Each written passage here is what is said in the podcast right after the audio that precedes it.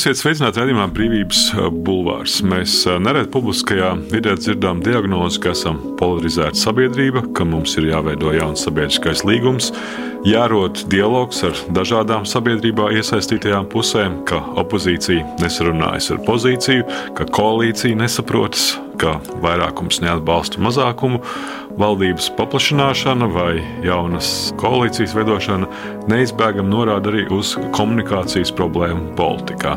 Filozofs Edmunds Apsolons savā jaunākajā grāmatā Konstruktīvā komunikācija uzdod jautājumu, vai ir iespējami visiem pieņemami un atšķirīgas pozīcijas vienojošs risinājums jautājumos, kuros opozicionārie redzējumi, pārliecības, nodomi ir kardināli atšķirīgi vai pat pretēji.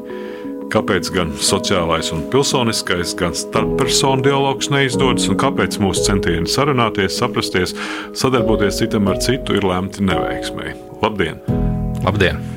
Protams, svarīgs ir jautājums par kontekstu, kurā saprašanās notiek, bet jautājums ir, kādā ziņā tas, ko tu māci uzņēmumiem vai organizācijām un to vadītājiem, nu, ir attiecināms arī uz sabiedrību un politiku kopumā, ka tā nav liela atšķirība secinājumu par to, kā veidojama strateģiska vai konstruktīva komunikācija, ka tas pēc būtības ir viens un tas pats viena paša procesa, nu, divi dažādi aspekti. Nu, tas ir viens un tas pats, ja mēs uz to skatāmies, ka tā komunikācija vienmēr notiek ar kādām konkrētām personām. Tāpēc nu, es nodarbojos ar starppersonu komunikācijas jautājumiem. Un starppersonu komunikācija, protams, var būt ļoti dažādas un atšķirīgas tēmas, skaitā arī, arī politiskas un sociālas tēmas, bet tas jau nemaina pašu to situāciju, ka divas personas nonāk kontaktā cits ar citu, un tad ir tas jautājums, ko tad abas puses vēlas darīt un ko abas puses prot darīt.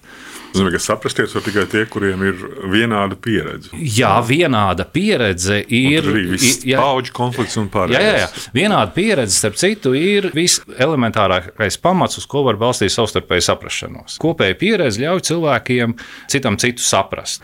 Taču saprasties var arī bez kopējas pieredzes, bet joprojām ir nepieciešams tas, ko es to saucu par komunikācijas platformu. Respektīvi, ir jāatrod kaut kas, kas abus divus jau vieno.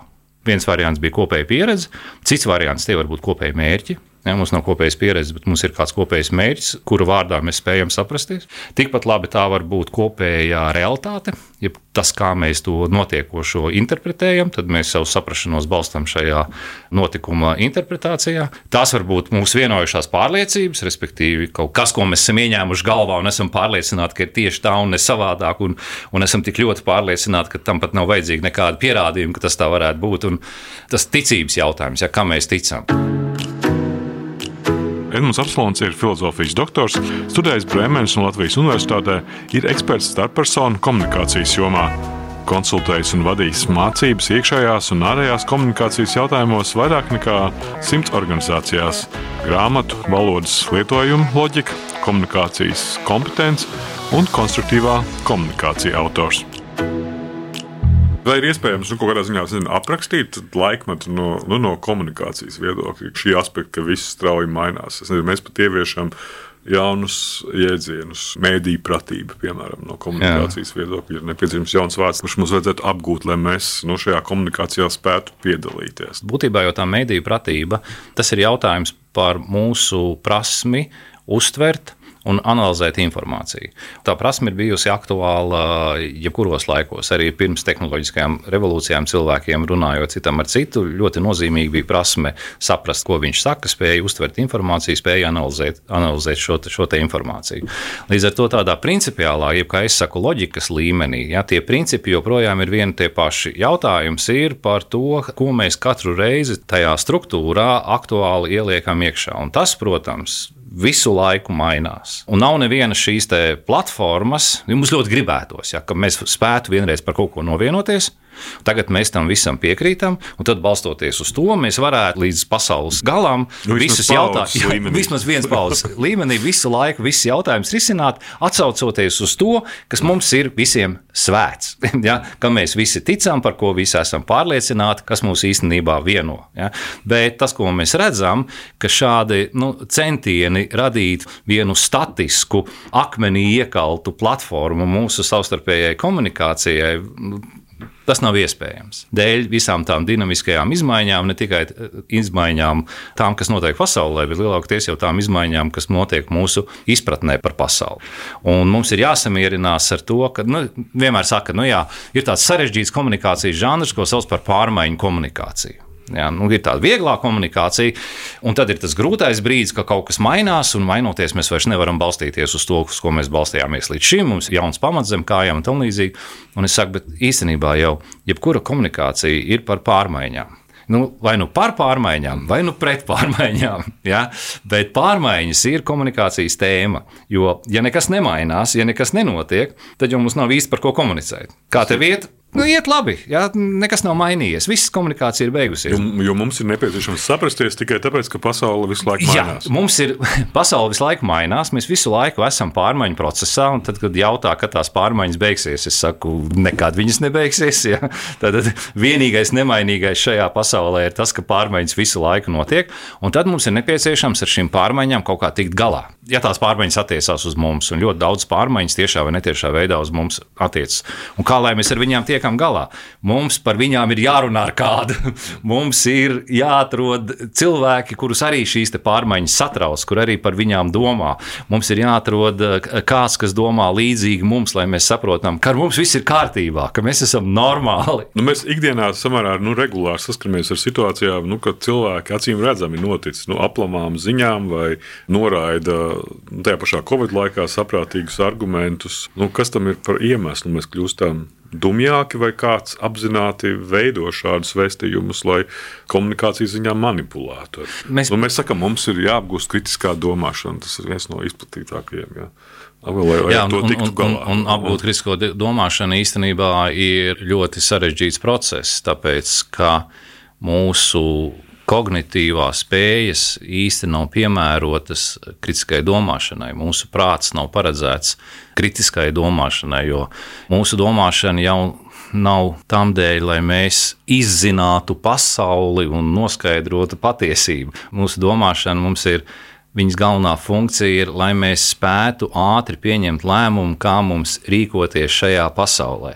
Un visātrāk lēmumus var pieņemt nekritiskā veidā, ja, lieki nereflektējot par kaut kādām rīcības alternatīvām, bet, piemēram, rīkoties saskaņā ar savu pārliecību, vai rīkoties saskaņā ar kādas autoritātes teikto, vai rīkoties saskaņā ar tradīciju, vai rīkoties saskaņā ar likumu.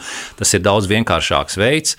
Šis nekritiskais lēmumu pieņemšanas veids ir daudz efektīvāks un ātrāks nekā kritiskais lēmumu pieņemšanas veids, kad mēs tagad sāksim dziļi analizēt, salīdzināt, izskatīt visas alternatīvas. Jā, līdz ar to kritiskā domāšana, prasība pēc kritiskās domāšanas ir dažreiz, teikšu tā, pārmērīga. Mūsu prāts nav īsti pat piemērots.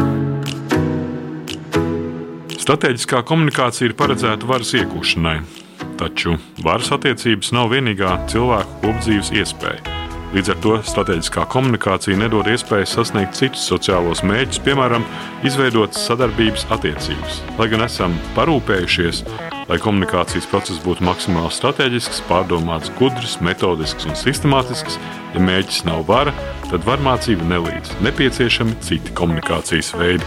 Tā savā grāmatā Konstruktīvā komunikācija raksta Edmunds Absolons.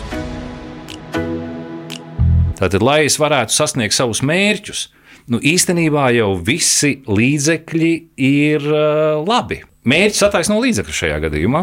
Ja mēs izvēlamies strateģisko komunikāciju, nu, tā kā strateģiskā komunikācija, pateicoties gan tam, ka politikā, politiskajā retorikā. Tas ir galvenais komunikācijas veids. Gan saimnieciskajā retorikā, jeb tā saucamajā mārketingā, tas ir galvenais komunikācijas veids. Tu rakstīji arī savā grāmatā tāds militārs nu, jā, nu, nu, nu, tas nu, ir jā. cīņa par varu. Respektīvi, tā strateģiskā komunikācija tā ir cīņa par varu, vai tā ir viedokļa vara, vai tā ir politiska vara, vai tā ir ekonomiska vara. Tā ir cīņa par varu, un šajā cīņā par varu, kā jau karā, tas galvenais uzdevums ir uzvarēt pretinieku. Nu, tad tu skaties, ar kādiem līdzekļiem tu vari uzvarēt pretinieku. Ja? Un diezin vai tu vienmēr izvēlēsies ļoti godīgus instrumentus, kā ar to pretinieku cīnīties. Jā, tādas džentlmeņa vai bruņinieku cīņas, jā, kur mēs vienojamies par, par spēles noteikumiem, un tad ievērojot šos noteikumus, tad nu, mēs cīnāmies, kurš kur uzvarēs. Nē, jo uh, labāk tev izdodas pārkāpt noteikumus, jo tava darbība kļūs efektīvāka. Jā, līdz ar to arī tā līdzekļu izvēle vairs netiek vērtēta no nezinu, morāles kategorijās. Tad galvenais vērtējums ir efektivitātes vērtējums. Bet tas ir karš. Putinam ir tāda strateģiskā jā, komunikācija. Jā. Nu, viss, mēs neko vairāk tur mēs nu, jā, nu, mēs mēģinām, to saprast. Tikai. Nu, jā, tā ir tā viņa stratēģija, un, un kā jau parasti ir tas slavenais teiciens, ka karā pirmā iet bojā patiesība. Un tad ir jautājums, tad viņš ir piedāvājis viens spēles noteikumus, jo viņam nepatīk tie spēles noteikumi, pēc kuriem pasaulē spēlēja līdz šim. Un tad ir jautājums, kā mēs uz to reaģējam. Iespējas ir divas. Vai nu mēs sakām, nē, mēs konsekventi turamies pie saviem noteikumiem, mēs nespēlēsim Putina spēli, vai mēs sakām, nu, ok, nu, nu, ja viņš grib karot šādā veidā, nu, tad karosim šādā veidā. Un tad mēs eh, rīkojamies tieši tāpat. Un tāpēc mums ir gan NATO strateģiskās komunikācijas centrs, mums ir valsts strateģiskās komunikācijas koncepcijas, skatījos, un, un, tā, nu, jā, un tā līdzīgi. Un tā līdzīgi. Nu, jautājums mūžīgi ir par to, kādā nozīmē mēs vārdus lietojam. Jā? Nu, redz, no vienas puses mēs varam teikt strateģiska komunikācija komunikācija. Stratēģiska komunikācija tā ir mērķiecīga komunikācija, tā ir pārdomāta komunikācija, tā ir racionāla komunikācija. Respektīvi, jebkura laba komunikācija ir strateģiska. Stratēģiskai komunikācijai pretējais jēdziens būtu nepārdomāta, pavirša, slikta komunikācija. Bet tad ir jēdziens strateģiskā komunikācija, kad mēs izmantojam valodu cīņā par varu. Un mēs abus šos jēdzienus esam sapludinājuši kopā, pasludinot, ka tā strateģiskā komunikācija ir, ir tā labā komunikācija. Kaut gan strateģiskai komunikācijai, protams, ir, ir jārēķinās arī ar tiem mīnusiem, kas šai strateģiskajai rīcībai, ja varmācīgai rīcībai pret citu cilvēku, kur neizbēgami ir, ir, kā, ir kā tās eh, sekas no šīs rīcības. No. Bet tur ir grāmatā, ka sabiedrības pārvaldīšanā bez strateģiskās komunikācijas ir citi, varbūt pat iespējams derīgāki. Ne, ne, protams, piemēram, mēs ļoti plaši lietojam normatīvo komunikāciju. Ja, tad visa, visa mūsu tiesu sistēma balstās normatīvajā komunikācijā, normatīvajā argumentācijā. Arī ikdienā mēs argumentējam, atsaucoties uz, noteik uz noteiktām normām un tām normām nav jābūt obligāti kodificētām. Tās ir arī tradīcijas normas, tās ir pieklājības normas. Tātad mēs ar normatīvu komunikāciju, tā, tā ir, kad mēs ar valodas palīdzību cilvēks regulējam. Ja? Mēs sakām, dari tā, nedari šitā, tā ir pareizi, tā ir nepareizi. Ja? Tad normatīva komunikācija arī tiek plaši lietota. Ekspresīvā komunikācija, ja? tad mūsu runāšanas mērķis ir arī ļaut otram parādīt sevi otram cilvēkam. No vienas puses izcelties, pateikt, ka es esmu savādāks, no otras puses arī līdzināt sarunāties ar citiem, pateikt, es esmu tāds pats kā jūs. Ja? Respektīvi, komunikācijai mērķis ir arī parādīt sevi, ja? un tā ir tā ekspresija, jeb nešana uz āru. Ja? Un arī šo komunikāciju mēs, mēs ļoti plaši lietojam. Nu? Un tad ir tā konstruktīvā komunikācija kuras uzdevums ir cilvēkiem saprasties, un mērķis būtu izveidot eh, sadarbības attiecības. Ja? Un, un tad ir jautājums, cik plaši šī konstruktīvā uz sadarbību, uz kooperāciju, uz partnerību vērstā komunikācija, cik plaši viņu var pielietot. Ja, kas ir tās sfēras, kurās šis komunikācijas veids vispār ir lietojams? Jo savulaik eh, Jurgens Habermas, ja, pie, pie kura man izdevās nedaudz pastudēt, viņš ļoti skeptiski skatījās uz šo komunikācijas veidu. Ja. Viņš viņu sauca par komunikatīva komunikācija, jeb komunikācija ar komunikatīviem mērķiem, un komunikatīvais mērķis ir tā kopība, ja? izveidot kaut kādu noteiktu uzskatu kopību, ja? sociālu kopību izveidot. Un viņš teica, nu jā, nu, ka šāda komunikācija tas ir tāds drīzāk nākotnes projekts. Un, un viņš tā visžēlīgi šo komunikāciju, jā, jā, šo komunikācijas veidu viņš tā visžēlīgi atvēlēja filozofijai. Ja? Nu, kur filozofijā, par cik filozofija nav zinātne, tur patiesības jautājums, kā atbilstība īstenībai, nestāv tik krasā formā. Ja? Tad filozofijā konstruktīvā komunikācija, kopīga domas veidošana. Ja? Viņi, viņi ir ļoti. Habermas uzskata, ka sabiedriskajā līmenī tas nav iespējams. Viņš teica, ka, ne, viņš neteica, ka nav iespējams. Viņš saka, ka tas vairāk tās nākotnes projekts. Tad tā mana interese bija paskatīties, vai tik tiešām šāds konstruktīvs dialogs starp cilvēkiem, vai viņam nav praktisks lietojums. Ja? Un, piemēram, uzņēmēja darbībā. Nu, piemēram, klasiskā uzņēmēja darbības dalījums, tur pircējs un pārdevējs. Ja? Pircēja cīņa ar, ar pārdevēju, kurš, kurš iegūs varu pār kuru. Vai starp pircēju un pārdevēju ir iespējama arī sadarbība. Ja? Un tad atklājas, ka ir virkne dažādu biznesa modeļu, kuros ne tikai ir iespējama sadarbība, bet vienkārši tā ir nepieciešama. Ja? Visos tajos gadījumos, kad pārdevējs pārdod nevis kādu gatavu, abstraktu radītu produktu, bet tas produkts tiek radīts konkrētajam pircējam. Nu, piemēram, visa ITK industrija, kur priekš pircēja tiek veidots produkts, lai to produktu izveidot tādu, kas pircējiem ir noderīgs. Abām pusēm ir jāsāk sadarboties. Sadarboties, lai nonāktu pie rezultātu. Līdz ar to man šķiet, ka šīs konstruktīvās komunikācijas uh, lietojums ir plašāks nekā tikai filozofu saruna pie vīna glāzes. Ja? Ka ir ļoti daudzi jautājumi, kuros mēs iegūstam ātrāku progresu tajā brīdī, kad mēs pārstājam cīnīties cits ar citu, bet uh, apsēžamies pie viena galda un sākam uh, mēģinam izdomāt to risinājumu, kurš būtu nevis vienas puses vai otras puses risinājums, bet kurš būtu abu pušu kopējais risinājums. Sociālā rīcības izvēle cīnīties vai sadarboties nosaka mūsu valodas lietojumu. Vienā gadījumā tā būs sarunāšanās, jeb dialogs, otrā - strīdēšanās, jeb diskusija. Lai arī ikdienas valodas lietojumā vārdi dialogs un diskusija tiek lietoti kā sinonīmi, tie apzīmē divas principiāli atšķirīgas valodas spēles sarunu un strīdu. Tā savā grāmatā raksta Edmunds Apsolons. Jo man dažkārt šķiet, ka tādā politiskajā nu, kultūrā, ka dzirdot izteikumu, ka šis jautājums vēl nav pietiekami izdiskutēts, tas ir viens no drošākajiem veidiem, kā ne par ko nevienoties. Man cilvēks saka, mums vajadzētu padiskutēt. Es saku, tu tiešām gribi ar mani par to strīdēties. Viņš saka, nē, nē, vienkārši aprunāties. Es saku, nu tad aprunājamies, nediskutējam. Ja? Respektīvi, diskusija tas ir uh, apzīmējums tam, kā mēs cīnāmies cits ar citu, kā mēs strīdamies, mēģinot pierādīt savu taisnību. Ja? Un diskusijas, protams, ir ļoti vērtīgas, tāpēc, ka diskusijās uh, katra puse brūkot ejot virsū otrai pusē, palīdz otrai pusē ieraudzīt savus vājos punktus, respektīvi saprast, eh, kurā brīdī man ir vāji argumenti, kurā brīdī man trūkst argumenti. Ja? Tāpēc eh, diskusijām ir arī sava produktīvā nozīme. Taču diskusijas mērķis ir vienas puses uzvara. Ja? Diskusijā Mums ir jāizvēlās, kuram ir taisnība, vienam vai otram. Savukārt, dialoga mērķis ir pilnīgi pretējs. Dialogs ir viena saruna, kurā mēs cenšamies neieņemt pozīciju, bet mēģinam atrast kaut kādu kopējo centru. Nevis izvēlēties risinājumu no diviem kardināliem piedāvājumiem par pret. Ja? Bet teikt, ok, labi, šitā mēs uz priekšu netiekam, vai ir iespējams cits risinājums, kurš būtu mūsu kopējais risinājums. Un tur atkal ir divas iespējas. Viena iespēja tas ir saprātīgs kompromiss, un cita iespēja ir tik tiešām principiāli jauna risinājuma radīšana. Kas iespējams līdz šim mums nevienam nebija pat ienācis prātā, jo mēs bijām pārāk koncentrējušies uz to savas pozīcijas aizstāvēšanu un pretējās pozīcijas apkarošanu. Tās ir divas atšķirīgas valodas spēles. Ja? Un mēs ikdienā viņas lietojam pamīšus, un tas ir ok, tas ir labi.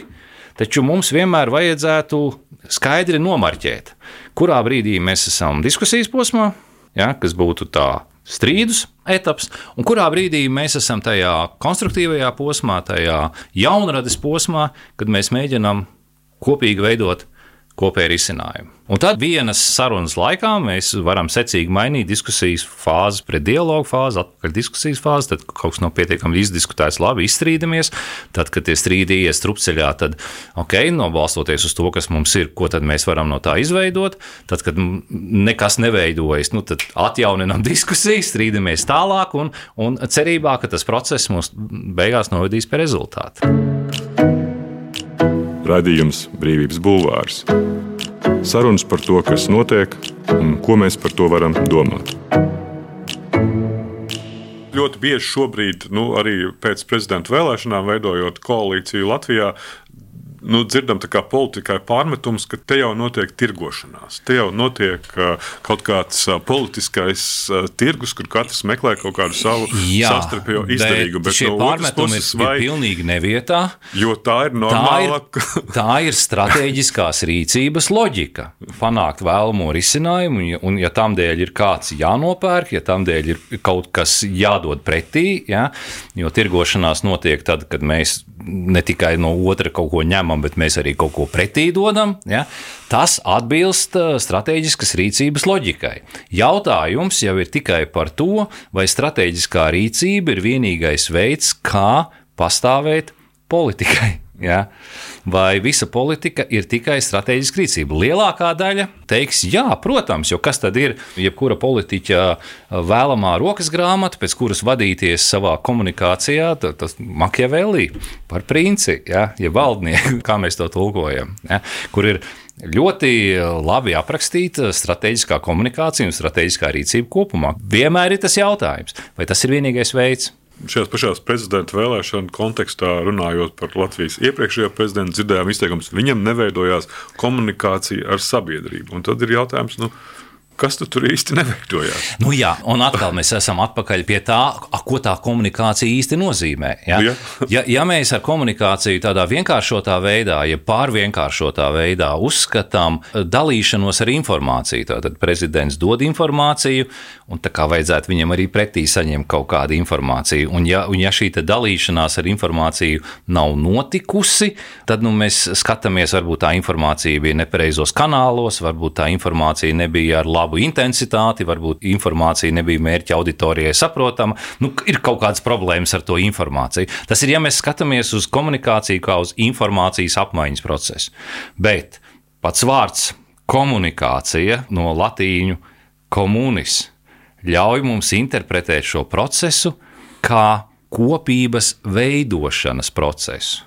Un tad mums būtu jāsaka, nevis prezidentam bija neveiksmīga komunikācija ar, ar sabiedrību. Neizdevās izveidot kopienu. Jā, viņa centieni izveidot kopību ar sabiedrību neizdevās. Jā? Un tad ir jautājums, uz ko tu īsti strādā? Vai tu strādā uz vienu vienvirziena informāciju ar sabiedrību, lai, lai sabiedrību ietekmētu sev vēlamajā veidā, un tam ir paredzēta strateģiskā komunikācija, jā, nodot ziņu tā, lai otrs būtu ietekmēts no šīs ziņas un seko sekotu adekvātā rīcība, vai arī tu uz komunikāciju skaties kā uz vienu kopīgošanās, jeb kopības veidošanas procesu, kurā mēs meklējam tos saskarsmes punktus, meklējam to platformu, kas ļautu mums justies, ka mēs esam kopā. Un tā būtu tā konstruktīvā komunikācija, tas būtu cits virziens. Kas šajā visā procesā, nu, mēs ļoti bieži dzirdam, analizējot mūsdienas politiskos procesus, ka šis ir tāds populismam ļoti piemērots laiks, kurā šāda veida retorika strādā tie pārmetumi politikai populismā atkal viņi ir nedaudz neloģiski, tāpēc ka demokrātiskā sabiedrībā politika neglābjami ir populiska. Tāpēc, ka poli... Populisms ir tā tiesniecības daļa. Jā, viņš ir atkarīgs no tā balsojuma reizes reiz četros gados, un līdz ar to viņam ir jāspēj savā komunikācijā sabalansēt no vienas puses tās vērtības un pārliecības, kas veido viņa to ideoloģiju, un ir kaut kādas tās lietas, ka tev ir jāspēj runāt par to, kas cilvēkiem tik tiešām ir aktuāls. Un tad eh, populisms tas ir centieni manipulēt ar auditorijas interesēm, piedāvājot to, kas man šķiet auditorijai varētu būt interesants. Ja? Nevis teikt to, ko es domāju, bet teikt to, ko, manuprāt, auditorija no manis sagaida. Un, ja tik tiešām sakrīt tas, ka viņa no manis to sagaida, nu tad ir viens veiksmīgs komunikācijas gadījums, kad man ir izdevies uztaustīt savas auditorijas intereses. Ja? Jāatcerās, ka tas ir īslaicīgi, jo sabiedrība visu jā, laiku jā, mainās. Bet sabiedrība visu laiku mainās. No otras puses, protams, ja mēs lietotu politikā konstruktīvu komunikāciju, tad tas nozīmētu meklēt, kur manai ideoloģijai, manām pārliecībām ir saskarsmes punkti ar manas uh, auditorijas pārliecībām. Nevis runāt to, ko auditorija no manis gaida, bet runāt to, ko es gribu pateikt, un runāt priekš tās auditorijas, kura tieši to arī grib dzirdēt. Tad šajā brīdī ar auditoriju ir iespējams saprasties, jo no vienas puses tas ir tas, kā es to saprotu, un otra puse saka, jā, un es arī to saprotu tieši tāpat. Nu, tad šajā jautājumā mēs abi esam sapratušies, nemanipulējot cits ar citu. Ja? Bet, ja politiskā līmenī šīs ideoloģijas kļūst ar vien līdzīgākas, vai nav nekāda būtiska ideoloģiska konflikta, konflikta, kādēļ ir tik sarežģīti nu, nezinu, izveidot, vienoties par politisku koalīciju. Nevajadzētu būt nekādām problēmām. ka vairs nav konflikta. Jo, jo kā tad nonāk pie tās kopības? Ir divi iespējamie ceļi. Viens ceļš ir, ka mēs nonākam pie kopības, tāpēc, ka mēs kļūstam ar vien vienādāki. Jā, un, un jo vienādāki mēs esam, jo līdzīgāk mēs esam, jo vieglāk mums ir saprasties, jo vieglāk mums ir sarunāties, jo mums nav domstarpība nevienā jautājumā, par visu mēs domājam vienādi. No otras puses, mēs varam meklēt kopējus risinājumus un kopēju viedokli balstoties mūsu atšķirībās. Un iespējams, ka demokrātijas dziļākā jēga ir tieši tajā, ka mēs spējam atrast kopēju risinājumu, neskatoties uz mūsu pozīciju atšķirībām. Bet, lai mēs atrastu kopīgu risinājumu, pastāvot atšķirīgām pozīcijām, mums ir jābūt atkal kaut kādai platformai, uz ko balstoties mēs spējam vienoties par kādu risinājumu, neskatoties uz savām tām ideoloģiskām, ja vērtību atšķirībām. Un tas ļauj tad nonākt pie kopēja risinājuma, nekļūstot vienādiem. Par mums tā mēs teorētiski varētu arī veidot to, ko Rinkevičs sauc par jaunu sabiedrisko līgumu ja, vai jaunu politisko nāciju. Jebkurš sabiedriskais līgums tā ir viena situatīva vienošanās vienošanās par to, kas ir mūsu šī komunikācijas platforma, kam mēs visi piekrītam, un atrodoties uz šīs te... kur komūna ir iespējama. Jā, atrodoties uz šīs platformas, tātad mēs esam kopā, un tad, kad mums ir diskusijas un mums ir jāargumentē tas vai cits viedoklis, tad vienīgie leģitīmie argumenti ir tie argumenti, kas nāk no šīs platformas, kam mēs abi piekrītam. Tikai kas ir jāņem vērā, ka šī platforma nav atkal, viņa nav statiska. Viņa mainās. Un tas nozīmē, ka šie sabiedriskie līgumi mums ir jāatjauno katrā komunikācijas situācijā. Un tāpēc no vienas puses es saku, jā, tas, ko Rinkēvičs saka par jauno uh, sabiedrisko līgumu, tas, tas virziens ir pareizs. Mums ir vajadzīga šī platforma, jeb tie saskarsmes punkti, kas ļauj mums būt kopā un justies, ka mēs esam kopā. Bet tajā pašā laikā nevajag krist ilūzijā, ka mēs spētu nodefinēt tādus punktus, kuri būtu uz mūžiem. Ka šai sarunai par to, kāpēc mēs vispār esam kopā, šai sarunai nekad nevar pielikt punktu. Situācijas mainās. Mēs jau nedaudz aizskārām to jautājumu par mākslīgo intelektu, ko tas spēj izdarīt ar šo komunikāciju. Jo mēs nu, dzirdam arī uztraukumu gan no tā paša. Statkom vadītāja, viņš, kurš saka, ka, ka mākslīgais intelekts spēj radīt runas, kuras politiķis nekad nav teicis, un kas nozīmē arī spēju radīt komunikācijas informatīvo saturu, kurš piedalās komunikācijas veidošanā. Tur ir jāsaprot, kur tā problēma īsti ir. Ja mēs skatāmies uz mākslīgo intelektu kā vienīgi uz tehnoloģisko rīku, ar kuru palīdzību ģenerēt jaunu saturu, jo viņš šobrīd jau ir komunikācijas veids, jā, tad cilvēki es, uzdod jautājumus. Tad viņam. es īsti tur nesaskatu problēmu, jo es neredzu tur lielu atšķirību, vai to saturu ģenerē kaut kāda troļu fabrika, vai to daudz efektīvāk dara tehnoloģija fabrika. jā, dators. Ja? Šajā līmenī es nedomāju, ka tā problēma ir būtu būtiski izmainījusies. Ja? Tā problēma joprojām būs tā vecā par to mēdīju pratību, par to spēju analizēt informāciju un saprast informāciju. Man šķiet, ka tā īstā mākslīgā intelekta problēma sāksies tajā brīdī, kad mākslīgais intelekts spēs ģenerēt tādu informāciju, kuru mēs paši nespējam ģenerēt. Respektīvi, ģenerēt labāku tekstu nekā mēs paši to spējam. Ja? Kad mākslīgais intelekts eh, ģenerēs tekstus, kurus mēs nebūsim spējīgi saprast. Tad mēs viņus vienkārši nesapratīsim. Skaidrs, paldies. Tas bija filozofs eh, Edmunds Absolons. Mans vārds Gins Grūbe. Tas bija raidījums Brīvības bulvāris. Radījumu ierakstīja Toms Šits un Monteja Noramīts. Paldies! Paldies! Brīvība ir brīvība nevienlīdzība, vai taisnīgums, vai kultūra, vai cilvēks laime. Tā teica Iesai Berlīns. Sarunas ar brīvas apziņas un ideju cilvēkiem radījumā Brīvības bulvārs.